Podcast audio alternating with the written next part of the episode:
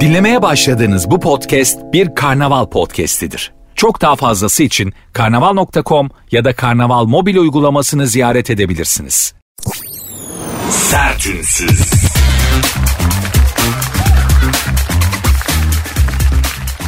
Herkese merhaba. Sert Ünsüz başladı. Ben Nuri Özgül. Saat 22'ye kadar beraberiz hanımlar beyler. Günün, günlerin ve gündemin bünyenizde biriktirdiği negatifi alıp bir miktar da olsa yerine pozitif vererek sizi rehabilite etmeye çalışacağım.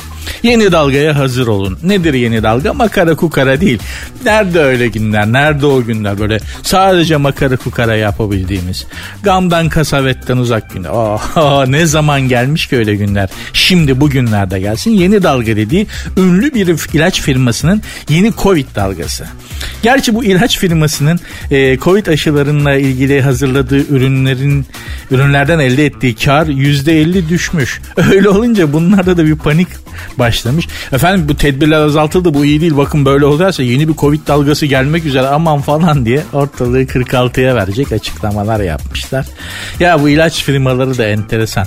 Ben gerçi hep ilaç firmalarından yana oldum. Ya bunlar olmasa ne yaparız arkadaşlar? İlaç önemli, ilaç çok önemli bir şey. Aman yapmayalım bu ilaç firmalarını da çok üzmeyelim dedim ama bunlarda da tatlı bir kolpacılık. Bak Covid ilaçlarına olan e, talebin azalmasıyla bu açıklamayı yapan yeni dalgalara hazır olun Covid daha ölmedi falan diye açıklama yapan firmanın e, kar tahminleri aşağıya doğru revize edilmiş. %50 düşmüş karları. Karlar düşünce de şey demişler. Gelir seviyesi daha düşük ülkelere ucuz fiyattan da verebiliriz ha. Güzel fiyat yaparız yani falan. Bunlar tamamen esnaf hazır. Hiç böyle bilimsel e, insan sağlığına yönelik, insan faydasına yönelik şeyler değil. Herkes esnaf olmuş canına yandığımın dünyasında ya. Herkes esnaf olmuş, herkes bir şey pazarlıyor. Elinde pazarlayacak ürünü olmayan insanlar kendilerini pazarlıyorlar. Kendini pazarlıyorlar derken de etinden bahsetmiyorum yani. Kendisinin bir özelliğini parlatıp işte sosyal medyada şurada bu TikTok'taki manyaklıkların sebebi ne zannediyorsunuz? Herkes esnaf, herkes bir şey satmak istiyor da o. Yoksa o kadar ruh hastası neden ortalığa saçılıp döküyorsun? Allah şükür bizim satacak bir şeyimiz yok. Pazarlamamız gereken bir şey yok. Ortaya koyduğumuz bir ürün var. Nedir o? Sert ünsüz. Beğenirseniz alırsınız. Beğenmezseniz biz de başka iş bakarız kendimize. Bu kadar basit. Sanatçıların şeyidir bu. Genelde yaptıkları iş dandik olduğu zaman beğenilmediği zaman halk beni anlamadı. Toplum beni anlamadılar. Sen kimsin ki seni anlamayayım? Yaptığın iş bir şeye benzemiyor. İşte artist. Neyin peşindesin yani? Hemen halkı suçlarlar. Ben bizde öyle yok abi.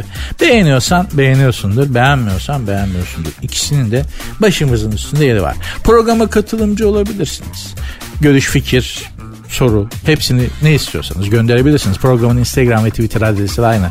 Sert unsuz yazıp sonuna iki alt türe koyuyorsunuz. Benim Instagram adresim de Nuri Ozgul 2021. Hadi başladık bakalım. Sertünsüz.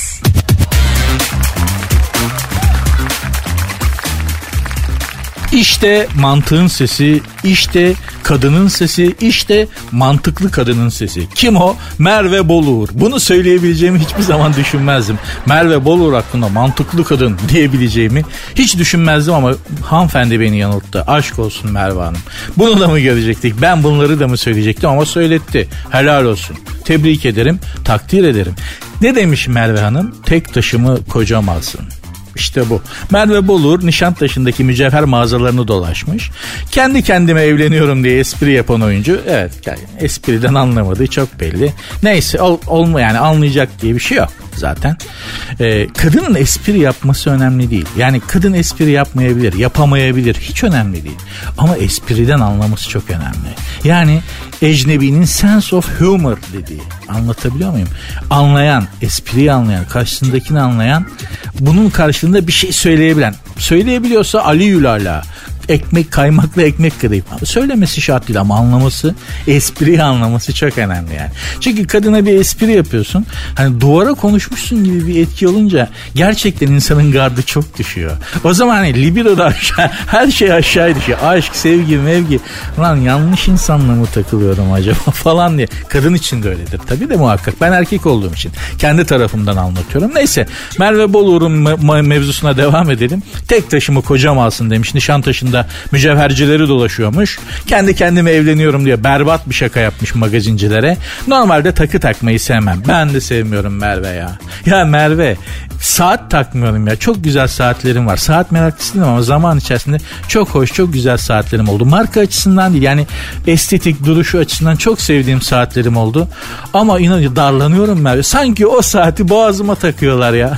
Nefes al. Alyans, kolye, yüzük. Öyle incikli boncuklu böyle bileklikler takıyorlar ya erkekler. Böyle eskiden sadece kadınlar yapar. Hatta eskiden sadece köylü, köylü kadınlar. Köydeki hanımlar falan yapardı bu incik boncuk işini. Şimdi bakıyorum böyle hani kıllı börklü adamlar boncukları dizmişler. Eleştiriyor muyum? Hayır. Ama yani söylemeye çalıştığım şey şu. Ben daha parmağıma yüzük takamıyorum ya. Çok güzel şövalye yüzüğüm var dedemden kalmak dede yadigarı. Ola şimdi yaptıkları astrofistin zevksiz şeylerden değil yani. Gerçek bir şövalye yüzüğü. Yok takamıyorum darlanıyorum Merve. Bak Merve Hanım da benim gibi. Mesela Merve Hanım çok daha darlanan bir insan belli. Göbeği möbeği omuzları açmış. Kolla yani hani neyse. Ee, normalde takı takmayı sevmem. Rahatıma düşkünüm. Pırlanta severim ama tek taşımı kendim almam. Onu da kocam alsın. Eşim düşünsün artık diye konuşmuş. Merveciğim o günlerde geçti ve senle aynı fikirdeyim. Yanlış anlama. Merve Bolu sesini.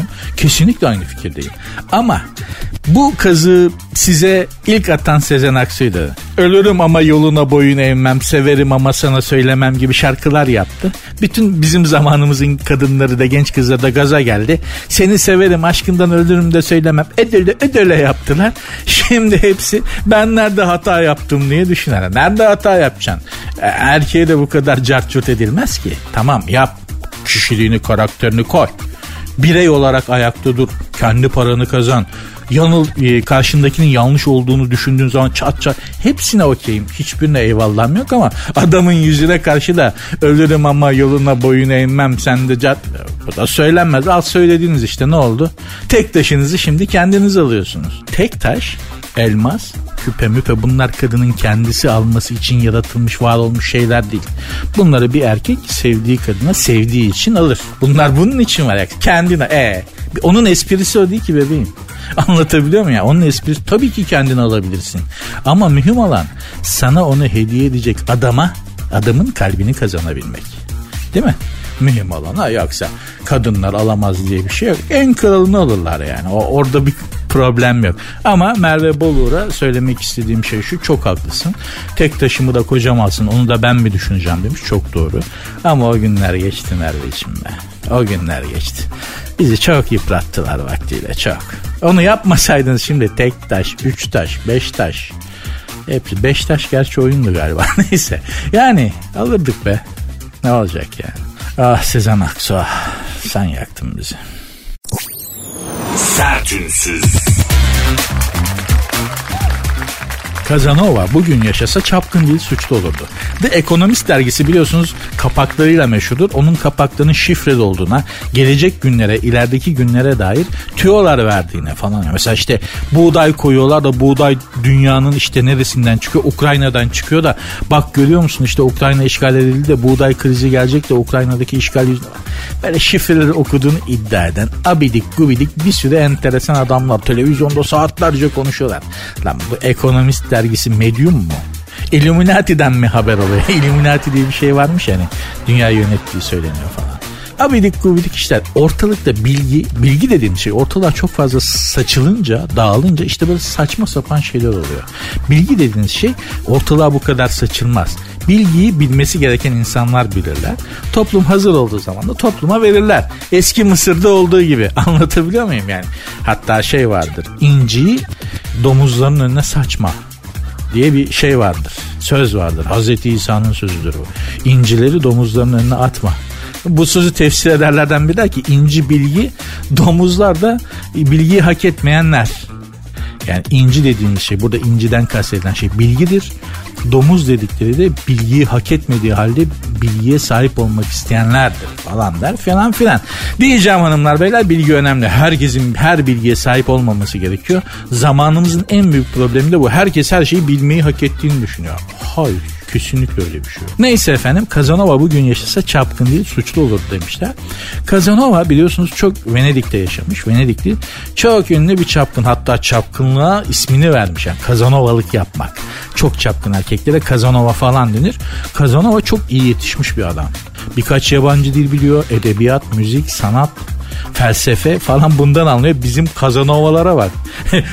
yani e, Mandıra'dan çıkmış, Mandıra'dan çıkmış bir e, manda yavrusu kadar eğitimli pek çoğu ama Kazanova şeyini e, hak ettiklerini düşün. Yok öyle bir şey. Kazanova tamam çok önemli bir çapkın ama çok da iyi yetişmiş bir adam. Anlatabiliyor muyum? Peki neden suçlu olurmuş? Bugün yaşasa çapkın değil suçlu ilan edilmiş. Neden böyle? Yasa dışı şeyler peşinde koşmuş. Çünkü Venedik o zamanlar underground, illegal zevklerin yaşandığı turistik bir destinasyon. Şimdiki yani 16. yüzyılda da şimdi olduğu gibi Venedik dünyanın pek çok yerinden insanları kendine çeken bir yer.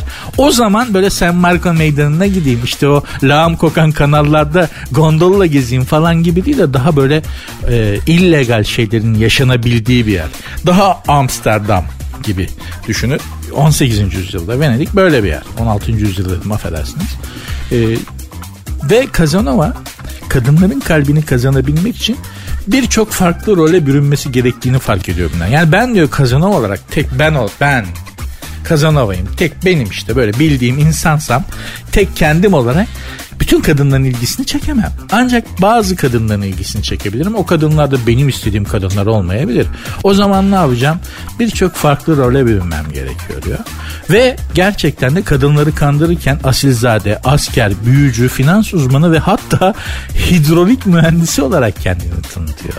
Ne de ya ben şeyi anlamadım yani şimdi asker, falcı, büyücü, finans uzmanı hani bundan etkilenebilecek kadın var da hidrolik uzmanından meslek olarak ha, hayatım hidrolik uzmanı gördüğüm zaman elim ayağım boşalıyor. Adamla olmadan duramıyorum falan diyecek bir kadın. 18. yüzyıl Venedik'i enteresan bir yermiş. Düşünsene ne iş yapıyorsun Kazanova hidrolik uzmanıyım. Al beni Kazanova hidrolik uzmanı. Allah Allah. Kadınlar da çok enteresan ya. Gerçekten kadınlar asla biz erkeklerin asla keşfedemeyecekleri bir ruh iklimine ve coğrafyasına sahipler. Çok ötemizde bizim. Hatta kendileri bile farkında değiller yani anlatabiliyor muyum? Hani bir zamanlar Afrika gibi gizemli, Hindistan gibi böyle çok gizemli ve içine girmeye, o ruh iklimine gel, girmeye, keşfetmeye cesaret edemiyorsun. Çünkü orada kendini kaybedebilirsin falan. Baksanıza yani hidrolik uzmanından etkilenen kadınlar varmış.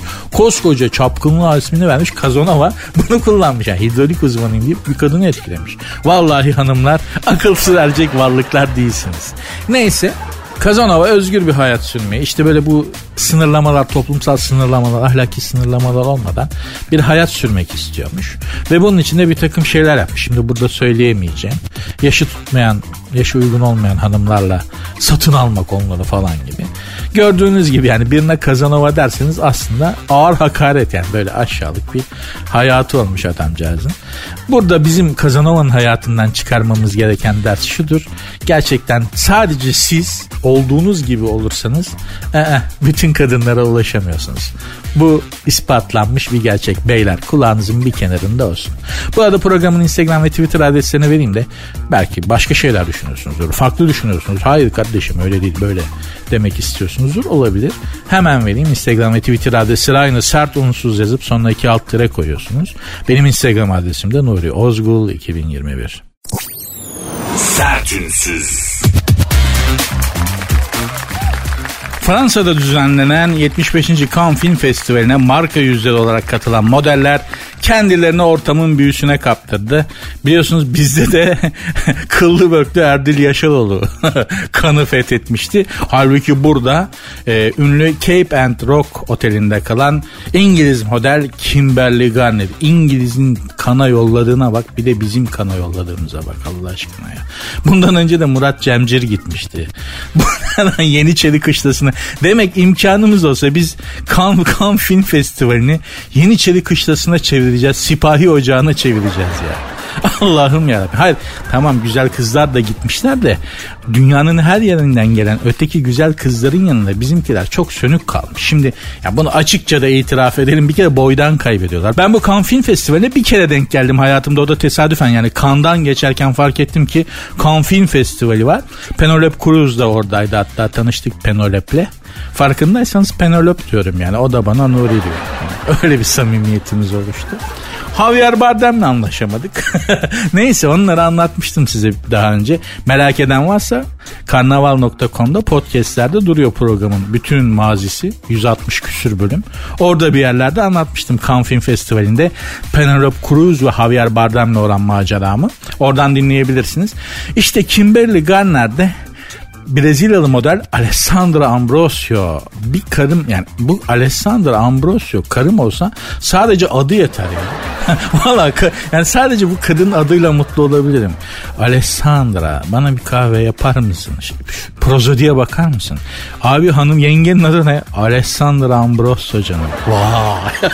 Valla bu kadının sadece adı yeter yani karizmatik kadınlar yani fizik olarak karizmatik kadınlar bence işte Macar kadınlarıdır Avrupa'da falan.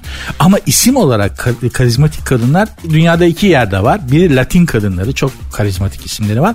Öbürü de Rus kadınları. Rus edebiyatını okursanız gerçekten çok böyle kadın isimleri çok prozodisi zengin isimlerdir yani. Beni çok etkiler Rus edebiyatında kadın isimleri bir de Latin isimli. Baksanıza ya Alessandra Ambroso. Daha ne olacak? Güneş yağı markası gibi kadının adı var yani. Hani başka bir şey yapmana gerek yok. Alessandra Ambroso desen yeter. Bir ömür boyunca. Neyse. Efendim bunlar da gitmişler. Bu gerçekten e, Cannes Film Festivali görülecek yerdir arkadaşlar film zam festival zamanı Avrupa'da ne kadar cıvır varsa dünyanın her yerinde ne kadar cıvır varsa ya ayağının altında yürürken böyle ayağınla kenara itiyorsun. Yavrum çekil bir dakika. Her yere yatmışlar. Keşfedilmeyi bekliyorlar. Kimi dondurma alıyor kimi plajda bikini. Sadece hanımlar değil ama erkekler de öyle. İşin o kısmı o işin o kısmı hep görmezden geliniyor. Sadece kadınlar keşfedilmek isteyen kadınlar Cannes Film Festivali'ne akıyor dünyanın her yerinden gibi bir imaj var yanlış. Ne? Dünyanın her yerinden gelen çok yakışıklı adamlar da var. Ben bir an önce kandan kaçtım. Yani dedim ki kendime olan saygımı kaybetmek üzereyim. Gerçekten çok yakışıklı, çok düzgün. Hani böyle hani bakıyorsun lan bana ne gerek var diyorsun. Gerçekten öyle şimdi yani açık açık söylerim ya ben ortalama bir Türk erkeğim ya da dünyada ortalama bir erkeğim ben. Şu Cannes Film Festivali'ne geliyorsun zımba gibi adamlar böyle ya bakıyorsun Abi diyorsun ya özür dilerim ben hani yanınızdan geçtiğim için affedin beni. Bana ne gerek var? Kadına da hak veriyorsun. Yani bir kadın sana burun kıvırsa da buna gitse e haklı yani bakıyorsun adama bir kendine bakıyorsun. Adil bir şekilde de düşünürsen benim kandan arabayı kiralayıp bir kaçışım var. Kanın tam tersi istikametine. Kuzeye doğru kan güneyde kuzeye doğru en son Orta Fransa'da falan freni bo şeyde e, Aveyron yani ne neresi orası işte neyse Orta Fransa'da Lyon falan o civarlarda frene bastım. Kendime olan saygımı kaybedecektim. Bakın samimi söylüyorum iki gün aynaya bakmadım. İki gün aynaya bakmadım yani. o kadar. Dolayısıyla da beyler Cannes Film Festivali'ne gidelim. Çok işte güzel kadın görelim. Dünyanın her yerinden çok hoş hanımlar geliyormuş falan diye. Hani öyle bir gaza gelmeyin Cannes Film Festivali'ne. Bir de keşfedilmeyi bekleyen dünyanın her yerinden çok yakışıklı adamlar gidiyorlar ciddi komplekse girersiniz. Ciddi yani. Hani ben girmem abi eh, falan. Eh, öyle olmuyor. olmuyor birader. Olmuyor. Sen beni dinle festival zamanı kana gitme. Üzülürsün. Üzülürsün. Aynı şey hanımlar için de geçerli. Onu da söyleyeyim bu arada.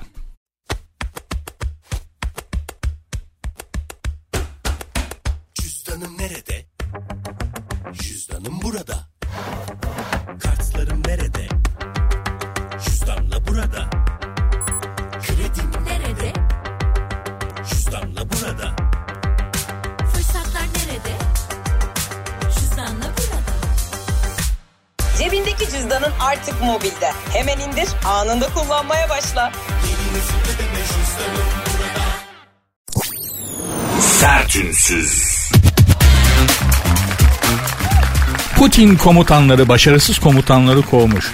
İngiliz istihbaratı Rusya lideri Vladimir Putin performansından memnun olmadığı bazı komutanları kovduğunu bildirdi. Ee, cümleyi düşük yazan kesinlikle gazetenin muhabiri. İngiliz istihbaratı Rusya lideri Vladimir Putin performansından memnun olmadığı bazı komutanları kovdu. Şimdi bunu e, normalde hani eski gazetelerin genel yayın yönetmenleri zamanında bir muhabir yazsa kovulmuştu. Şu anda artık gazetecilik yapmıyordu. Neyse efendim. Putin Ukrayna'yı işgali sırasında hala iş bitmedi biliyorsunuz. Hala Ukrayna'yı lüpletemedi. Dünyada tabii sağlam çıktı biraz. Birebir müdahale etmeseler de Ukrayna'ya çok ciddi silah yardımı yapıldı falan filan. NATO tatbikatı yapmaya başladı. Rusya bunun karşılığında iş tamamen yani şeye döndü. Yani Ukrayna'dan çıktı. Fakat bir an önce zannediyorum bu Putin Blitzkrieg denen e, Almanların 2. Dünya Savaşı'nda Belçika'yı falan lüpletmesi gibi Yıldırım Harekatı Blitzkrieg denen bir tank zırhlı birlik harekatı vardır. Öyle bir şey hayal ediyordu. Yani Almanlar da böyle savaşırlar genelde. Zımp diye hemen böyle bir anda bir saatte falan yani tamam iki saatte Belçika'yı toparlıyor zırhlı birlik harekatıyla. Bu Ruslar da yapmaya çalıştılar ama yapamadılar ki Ruslar da asker millettir yani. Hani dünyada asker, iyi asker yetiştiren üç tane millet olduğu söyleniyor. Türkler, Ruslar ve Almanlar. Bunlardan iyi askerler çıkar falan. Abi Napolyon Koca Fransa tarihinde bir tane var. Napolyon Bonaparte yani anlatabiliyor muyum? Ama Rus tarihinde çok ciddi mesela Alman tarihinde de çok ciddi önemli generaller var savaş generalleri. Neyse mevzumuz değil. Putin bu generallerin hepsini kovmuş.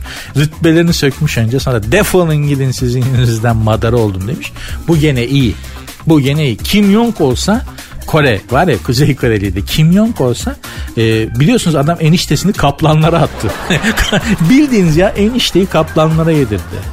E, karısını da kaplanlara yedirdiği söyleniyor. Hatun ortada yok uzun zamandır. Onu da kaplanlara yedirmiş olabilir diye bir haber çıktı. Gerçi bunu Amerikan istihbaratı da yapıyor olabilir. Mesela işte Saddam Hüseyin'le ilgili böyle çok enteresan haberler çıkıyordu. Saddam Hüseyin'in oğlu Uday ile ilgili. Uday diye bir oğlu vardı. İşte insanları tavan vantilatörüne bağlayıp bacaklarından baş aşağı sallandırıp beyzbol sopasıyla dövüyormuş Uday falan filan gibi böyle. Enteresan enteresan Amerikan istihbaratının çıkardığı fiştikleme haberler. Herifleri yargılamadan, konuşturmadan astılar. Yani doğru dürüst biz öğrenemedik yani Saddam Hüseyin'in mahkemesinde ne anlattı Sado? Hiçbir şey tık astılar. Bu işler böyledir. Putin'in o yüzden hani komutanları başarısız komutanları kovmasını çok normal karşılıyor. Çünkü ne yapsın yani? hani ne yapsın adam değil mi? Sanki böyle bir zalimmiş, zalimane bir hareketmiş gibi anlatılıyor. Yok abi ben de olsam ben de kovanım. Şimdi generallere diyeceğim ki Ukrayna'yı bana alıyorsunuz bir haftanız var. Değil mi? Koca Rusya. Yani Ukrayna tırnak ucu kadar bir şey Rusya'nın yanında. Toparlayın şurayı bir haftada diyorsun. Rusya'sın. Arkanda koskoca bir ordu var. Kızıl Ordu. Nükleer silahların var. Donanman acayip şu bu falan yani. Dünyanın en muhteşem ordularından birine sahipsin. E bir haftada alırım diyorsun. E 6 ay geçiyor olamıyorsun. Ben o komutanlara çok daha başka şeyler yapabilirdim yani.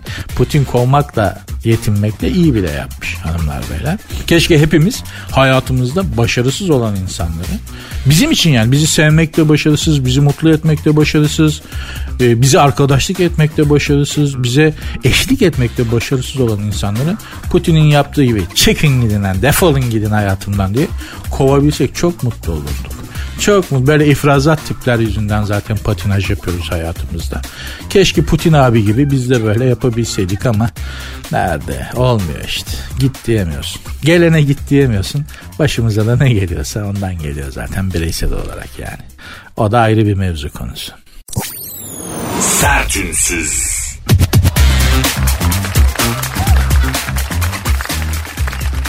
Efendim dizi sektörümüzün yıldızı parlıyormuş. Dünyada Türk dizileri çok ilgi pardon. Dünyada Türk dizileri, Türk yapımı diziler çok ilgi çekiyormuş. Neden? Çünkü Dallas yapmayı öğrendik. O yüzden Dallas dediğimiz şey bir formüldür artık dizi olarak bir dizidir. Türkiye'de ahlakın çöküş nok çöküşünün başladığı yerdir. Yani hani o eski Türk filmleri o temiz, o masum, hani o Kemal Sunal'ın, Zeki Alasya, Metin Akpınar'ın, Türkan Şoray'ın, Edison'un filmlerindeki o Türkiye, onun bittiği gün Dallas dizisinin başladığı gündür TRT'de. Ama çok enteresan bir formülü vardır. Ne zaman yapsanız tutar. Dallas dediğimiz şey mesela muhteşem yüzyıl temelinde Dallas'tı. Dallas formülüyle yapılmış bir dizidir. Aşkı Memnu temelinde özünde Dallas formülüyle yapılmış. Asmalı Konak yani bildiğin Dallas ya bildiğin yani. yani aynı formül. Yap bunlar Dallas'ı seyret oradaki formülü bul çıkar bir dizi yap acayip çalışır. Dünyada istediğin yere satarsın. Ha Alfred Hitchcock abimiz ne demiştir? Alfred Hitchcock abimiz bir sinema filmi bunu diziye de uygulayabilirsiniz ya da bir televizyon dizisi kötüsü kadar iyidir. Kötü karakteriniz ne kadar iyiyse dizi de o kadar iyidir. Bunu da mesela JR değil mi? Artık kötülüğün sembolü olmuş yani. Sevmediğimiz insanlara hoşlanmadığımız insan, kötü insana Cayar gibi. Cayar bu falan. Çok lakabı Cayar olan insan vardı bir ara. Neden? O kadar başarılı bir kötüydü ki Cayar. Ama Vedat Özdemiroğlu'nun muhteşem bir tespiti vardır. Dallas Ceyar konusunda. Hani Ceyar kötü, herkese kötülük yapıyor, herkesin kuyusunu kazıyor, herkesi mutsuz etmeye ulaşıyor ama şirkete gidip çalışan da bir tek Ceyar. Yani hani JR olmasa holding batacak ya. Dallas ailesi petrol üretiyor. Holdingi var. JR ben daha o dizide başka karakterin şirkete gidip 10 dakika çalıştığını gerçekten görmedim. Bitti. JR olmasa şirket ciro yapamayacak. Bu Vedat Özdemiroğlu'nun muhteşem bir tespitidir. Gerçekten de öyledir ama. Hani bütün otur bütün diziyi seyret. Bir tek JR'ı ofiste görebilirsin. Dizinin melek kalpli karakteri Bobby Ewing yaşı tutanlar hatırlayacaklardır. Yaşı tutanlar hatırlayacaklardır. Bobby Ewing Ewing, Bobby. O da iyilik sembolü ve hepimizin sevdiği evimizin abisi falan Bobby. Ya bir gün şirkete gittiğini gören oldu mu ya? ya bir gün de yani bir irsaliye kes bir adam. bir gün bir fatura bağla bir KDV %18. Hesap makinesinde hesapla da bir faturanın altını bağla. Yok ama Ceyhan bütün mesai, bütün şirkete ciroyu yaptıran gerçekten de Ceyhan. Efendim e, Türk dizileri yıldız gibi parlıyormuş. En çok e, sevilen dizi Türkiye'de ve yurt dışında Türk dizisi de Aşkı Memnu'ymuş. Şaşırdık mı? Hayır. Neden? Çünkü dizide iğrenç bir ilişki var. Aile içi. Yengesiyle yaşlak aşk yaşayan bir adam var yani. O yüzden de hani bu her yerde tutar. Dünyada da en çok onu satıyormuşuz. Türkiye'de iki kere çekildi biliyorsunuz. TRT 70'lerde mi 80'lerde mi çekmişti Aşkı Memnu'yu. Sonra bir daha çekildi biliyorsunuz. Ben Sarıyer'de oturuyorum. Ee, Aşkı Memnu'nun çekildiği yalı yalı beyaz yalı böyle sahilde evim evimin önünden gelip giderken önünden geçtiğim bir yalı önünde yalıyla selfie yapıyorlar ya yalıyla yalıyı arkaya alıp yalıyla selfie selfie yapıyorlar neden Aşkı Memnu'nun çekildiği dizi burası falan diye böyle görüyorum ya asfalta çıkıyor ezilme tehlikesi yaşıyor insanlar. Bunu göze alarak o yalıyla Aşkı Memnun'un çekildiği yalıyla selfie yapmak için. Dolayısıyla da hanımlar beyler sizi şaşırttı mı bu? Aşkı Memnun'un en çok sevilen e, dizi olması şaşırtmadı. Neden? Çünkü berbat insanın midesinin almayacağı bir aşk ilişkisi konu ediliyordu ondan. Dediğim pardon şey. Yani dediğim şey aynı. Söylediğimde iddialıyım ve kararlıyım. Dallas formülü uygulayın. Bir dizi yapın, roman yazın, hikaye anlatın. Dallas formülüne tutar. Formül de şey işte mümkün olduğu kadar ahlaksız. mümkün olduğu kadar insanları böyle ahlaksız ve karaktersiz yapacaksın. Sertünsüz.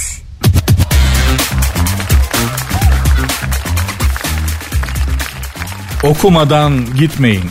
Yurt dışına değil efendim. yurt dışına okumadan gidin hatta. Yani hatta okumaya gitmeyin. Gezmeye gidin yurt dışına. Şu sıralar peki okumadan nereye gitmeyin diyorlar. Şu sıralar herkesin dilinde mekanlardaki fahiş fiyatlar var. Gerçekten de öyle. Gerçekten de öyle. Etiler Nusret'te bir biftek 845 lirayken Bodrum'da bir serpme kahvaltı 240 iyi. Bodrum'da serpme kahvaltı 240 liraysa iyi. İstanbul'a daha pahalı. Gerçekten daha pahalı. Ya Bodrum'daki serpme kahvaltı satanlara seslenmek istiyorum burada. Daha geçirin abi. Yani hani çok özür dilerim ama hakikaten daha katlayın bu. Ucuz İstanbul'da aynı düzeydesiniz ya. Siz Bodrum'sunuz abi. Bu ülkede en kazık Bodrum olmalı. Yani değil mi? Yani Bodrum çünkü artık bu traditional bir şey. Yani geleneksel bir şey. Ne diyorsun? Bodrum'a gideyim de kendimi bir kazıklatayım abi. Eskiden böyle miydi? Ya Bodrum'a gidelim biraz kafa dinleyelim. Bodrum'a gidelim işte biraz yüzelim, tatil yapalım. Kendimize gelelim. Onlar eskidendi. Şimdi Şimdi Bodrum'a niye gidiyorsun? Abi Bodrum'a gidelim dedi. Kendimizi bir kazıklatalım, bir rahat ettirelim. Ve zengin insanın da böyle bir kaşıntısı vardır zaman zaman. Hani ulan kendimi kazıklatayım lan ben niye bu kadar para kazanıyorum arkadaş? Hani bir tane bifteye bin lira atmayacaksan benim bu kadar çalışmamın ne anlamı var deyip gidip kendine gerçekten de haşırt to blackboard tabir ettiğimiz. E, Sayın Ali Koç da bunu Beyaz TV'de söylemişti biliyorsunuz. E, biri böyle bir fahiş rakamlarla futbolcu almaktan bahsetti de Ali Koç böyle dedi. Ona haşırt to blackboard diyorlar. o yüzden yani hani ifadeyi kullanmakta bir sakınca görmüyor. Ali Koç bile kullanıyor kardeşim. Bu ülkenin en iyi yetişmiş adamlarından biri. Aile terbiyesi de görmüş. Değil mi? Şimdi kimse diyemez ki Ali Koç aile terbiyesi gör. Olur mu? Yani Koç ailesinin peder şahi bir baba odaklı bir şey olarak çok ağır bir terbiyesi var yani. O yüzden bu, bu, bu kelimeyi bu ifadeyi kullanmakta hiç e, sakınca görmüyorum. Haşıp the blackboard tabir ettiğimiz Bodrum. Traditional olarak bu. Hatta ben Bodrum Belediyesi'nin yerinde olsam Bodrum'un girişine böyle büyük bir şeyle yazarım. Welcome to the Haşıp yok olmadı. Welcome Haşıp to the Blackboard. Gerçekten bak. Namın yürüsün ya Bodrum. Şanın yürüsün ya. Desinler ki bak dünyadan akın olur dünyadan. İnsanların çünkü böyle tuhaf bir yanı vardır yani. Lan bu girişinde haşırt to the blackboard yazan yere bir gidelim de bir görelim gerçekten nasıl bir duygu bu acaba yani falan diye dünyadan akın olur. O yüzden de hanımlar beyler buradan tekrar Bodrum'a sesleniyorum. Özellikle serpme kahvaltıda İstanbul baremindesiniz lütfen yükseltin. Ben serpme kahvaltıdan 400 liradan aşağı bir performans beklemiyorum Bodrum'da. Lütfen. Ha Bodrum'da daha ucuz yerler de var. Medeni, normal insanın da gidip yemek yiyebileceği yerler olduğu da söyleniyor. Hani söyleniyor. Gören var mı bilmiyorum. Ama var abi diyenler var yani ben duydum. Neyse efendim popüler mekanlardaki fiyatlar cep yakarken mütevazı işletmelerinde sayısı yok değilmiş. Bakıyoruz efendim. Geçtiğimiz günlerde işte Nusret Bodrum'da da Nusret'e giden 8 kişi tam 16.305 lira pasa iyi. 8 kişi 16.305 lira ne demek yani 8 kişi kelle başı 2000 lira iyi abi. Bu oğlum patlıcanın tanesi 45 lira lan ülkede. Siz dalga mı geçiyorsunuz? Ya pahalı dediğiniz bu muydu? Abi yapma gözünü seveyim. Adam gayet insaflı davranmış. Bence Nusret şeyde geçiriyor. Havuç dilim baklava 150 lira. O pahalı bak. Ya orada tamam a, kabul ama 8 kişi 16 bin lira iyi abi. Daha ne istiyorsun yani? Diyorum ya patlıcanın tanesi 40 lira ülkede. Memlekette. Tabii ki 8 kişi 16 bin lira ödeyeceksin yani. Et yiyorsun be abicim. Hayret bir şey. Pahalı dediğiniz bu muydu ya? Büftek 845 lira. Nusret'ti. E tamam kasapta ne kadar ki zaten. Pişmemişi ne kadar ki bunun.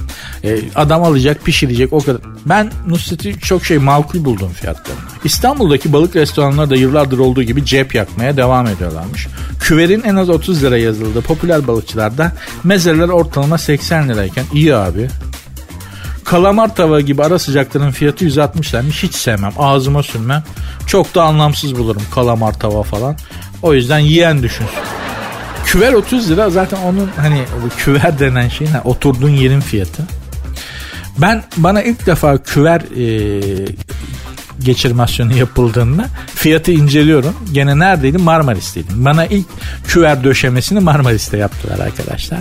Bundan yaklaşık 30 sene önce. 20'li yaşlarımdayım. 20 varım yokum yani.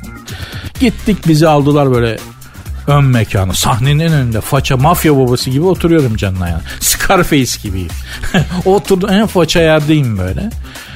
Şarkıcılar gözümün içine baka baka şarkıcılar. Ama ben de daha toyum yani. 20 yaşlarındayım ben. O zaman toy sayılıyordu. 20 yaşlar. Şimdi her 20 yaşında fetfaz oluyorsun ama o zaman öyle değildi. Neyse.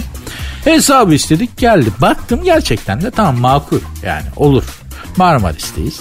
Tabii ki biraz daha pahalı olacak falan filan ama burada küver yazıyor. Bu küver de fiyat, hesabın dörtte biri kadar tutuyor falan. Dedim bu küver ne abi? Dedi ki masa. Dedim ki masayı alıp götürmeyeceğim. dedi ki abi bu dedi faça bir yer buraya yani de ağır insanlar oturuyorlar. O yüzden dedi hani küver falan. Dedim yavrum buraya oturmayı ben istemedim ki siz oturdunuz. Falan filan. Sonra bu aldı gitti. E, küvere itiraz ediyor abi demişler. İçeriden de en faça masaya oturuyor. Lan ne demek itiraz ediyor falan. Beni siz oturttunuz falan diye. Orada bayağı bir arıza çıkarmıştım. Sonra zaman içerisinde aradan 30 sene geçti. Buna itiraz etmenin çok yersiz olduğunu çok acı tecrübelerle öğrendim arkadaşlar. Çok acı tecrübelerle öğrendim. Yani esnaf sana haşık to the blackboard tabir ettiğimiz uygulamayı yapmak istiyorsa yapar. Yapar. Buna direnmenin bir anlamı yok. Yok yani. Yok bununla mücadele edemiyorsun. Zaten senin yanında olan bir şey de yok. Hani siz ne yapıyorsunuz kardeşim? Vatandaşa bu böyle yapılır mı diyecek bir maliye, bir e, denetleme kurumu herhangi bir şey zaten yok. Yani şey. Vergisini ödeyip ödemediğine bakıyorlar sadece. Dolayısıyla kardeşim yolunacak bir kaz olarak ortalıkta dolaşmaya devam ediyoruz. Hayır buna da razı da yeter ki üstümüzde yolunacak tüy kalsın yani derdimiz o. Sertünsüz. TikTok'un para basan hayvanları. Size demiyor, bana da demiyor. Gerçekten hayvanlara diyor. TikTok'ta en çok kazanan hayvanlar listesinin zirvesinde bir kedi varmış. The Little Puff'mış kedinin hesabının adı. 1 milyondan az izlenen videosu yokmuş. En az izlenen videosu 1 milyon ve üstüymüş. 27.6 milyon takipçisi varmış kedinin. Her bir paylaşımı ise 26.400 dolar tutuyormuş. Vay arkadaş. Ee, ikinci olarak da yani kediden sonra ikinci olarak da bir köpek varmış efendim. Pomerian cinsi. Pomerianlar tatlıdır ama. 20 milyondan fazla insan bu Pomerian köpeği takip ediyormuş. Toplam beğenileri toplam 518 milyonu geçmiş Pomerian'ın.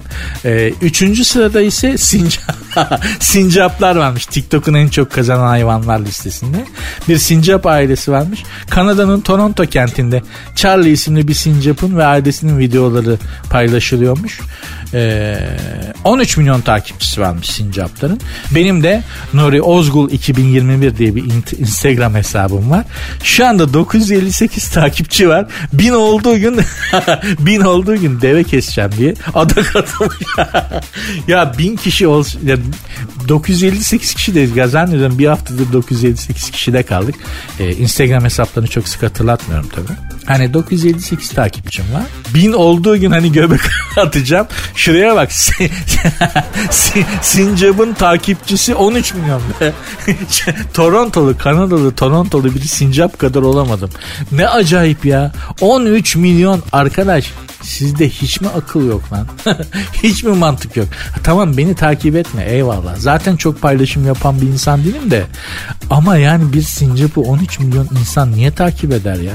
Neden takip eder ya? Bir, bir kediyi insan neden takip eder Instagram'da? ne paylaşacak diye. Tam kedinin kendisi değil tabi. Onu hani onu sahipleri, mahipleri bir şeyler yapıp paylaşıyorlar ama 26 milyon takipçi nedir arkadaş? 26 milyon insanın bir kediyi takip etmesi ne demek ya? Bu, ne demek biliyor musun? Abi hakikaten Amerika Mars'a gitmeye çalışmakta çok haklı. Dünya, bu dünya durulacak yer olmaktan çıkmış. Adamların hani bir an önce Mars'a Mars'a gitme heveslerine şimdi daha çok anlam verebiliyorum. Hani bu gezegenden bir an önce gitmemiz lazım ya. Hakikaten durulacak yer değil kafasıyla adamlar Mars'a falan gitmeye çalışıyorlar. Gerçekten Mars'a giden roketin bir tarafına sığınıp benim de gidesim var yani. Zaten bu aralar herkesin bir gidesi var memleketten. Ferhan Şensoy'un e, içinden Deniz neydi o operasının adı? Oyunun adını bilmiyorum ama çok güzel bir şarkısı vardır. Final şarkısı. Oyunun ismini hatırlarsan söylerim. YouTube'da da açıp e, dinleyebilirsiniz. Ayrı olarak konulmuş o final şarkısı. İçimden gelen bir ses sen sabahı bekleme geceden al demiri al demiri git diyor diye bir kaptanın ağzından gitme isteği için insanın içindeki gitme isteğini böyle çok güzel anlatan bir şarkısı vardır Ferhan Şensoy'un bir oyununun final şarkısıdır o şarkıyı söyler ve selam verirler. Şimdi hatırlayamadım oyunun adını ama bir bakın YouTube'da sözlerini okudum size. İyi gelecektir. Sertünsüz. Alaçatı yıkılacak. Nostradamus'un kehaneti değil hanımlar. Sakin olun beyler sakin olun. Alaçatı meraklıları, Alaçatı müptelaları. Alaçatı yıkılacak derken hani Nostradamus öngördü. 3 güne kadar Nostra- Alaçatı yıkılıyor. Öyle bir şey yok. Yakışıklı oyuncu Birkan Sokullu ile sosyetik sevgilisi Eda Gürkaynak Paris'te evlilik için planlar yapmaya başlamışlar.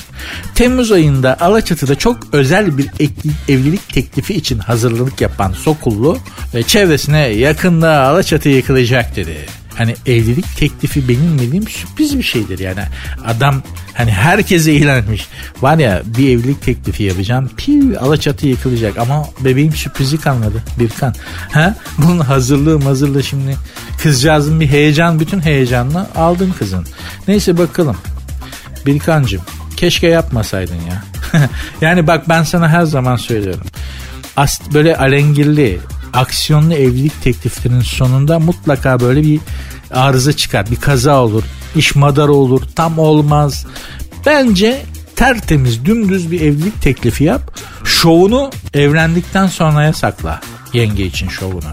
Yani gezmeler, tozmalar, eğlenceler eyvallah. Ama evlenme böyle alevli, yanarlı, dönerli, şovlu bir evlilik teklifi yapayım dersin.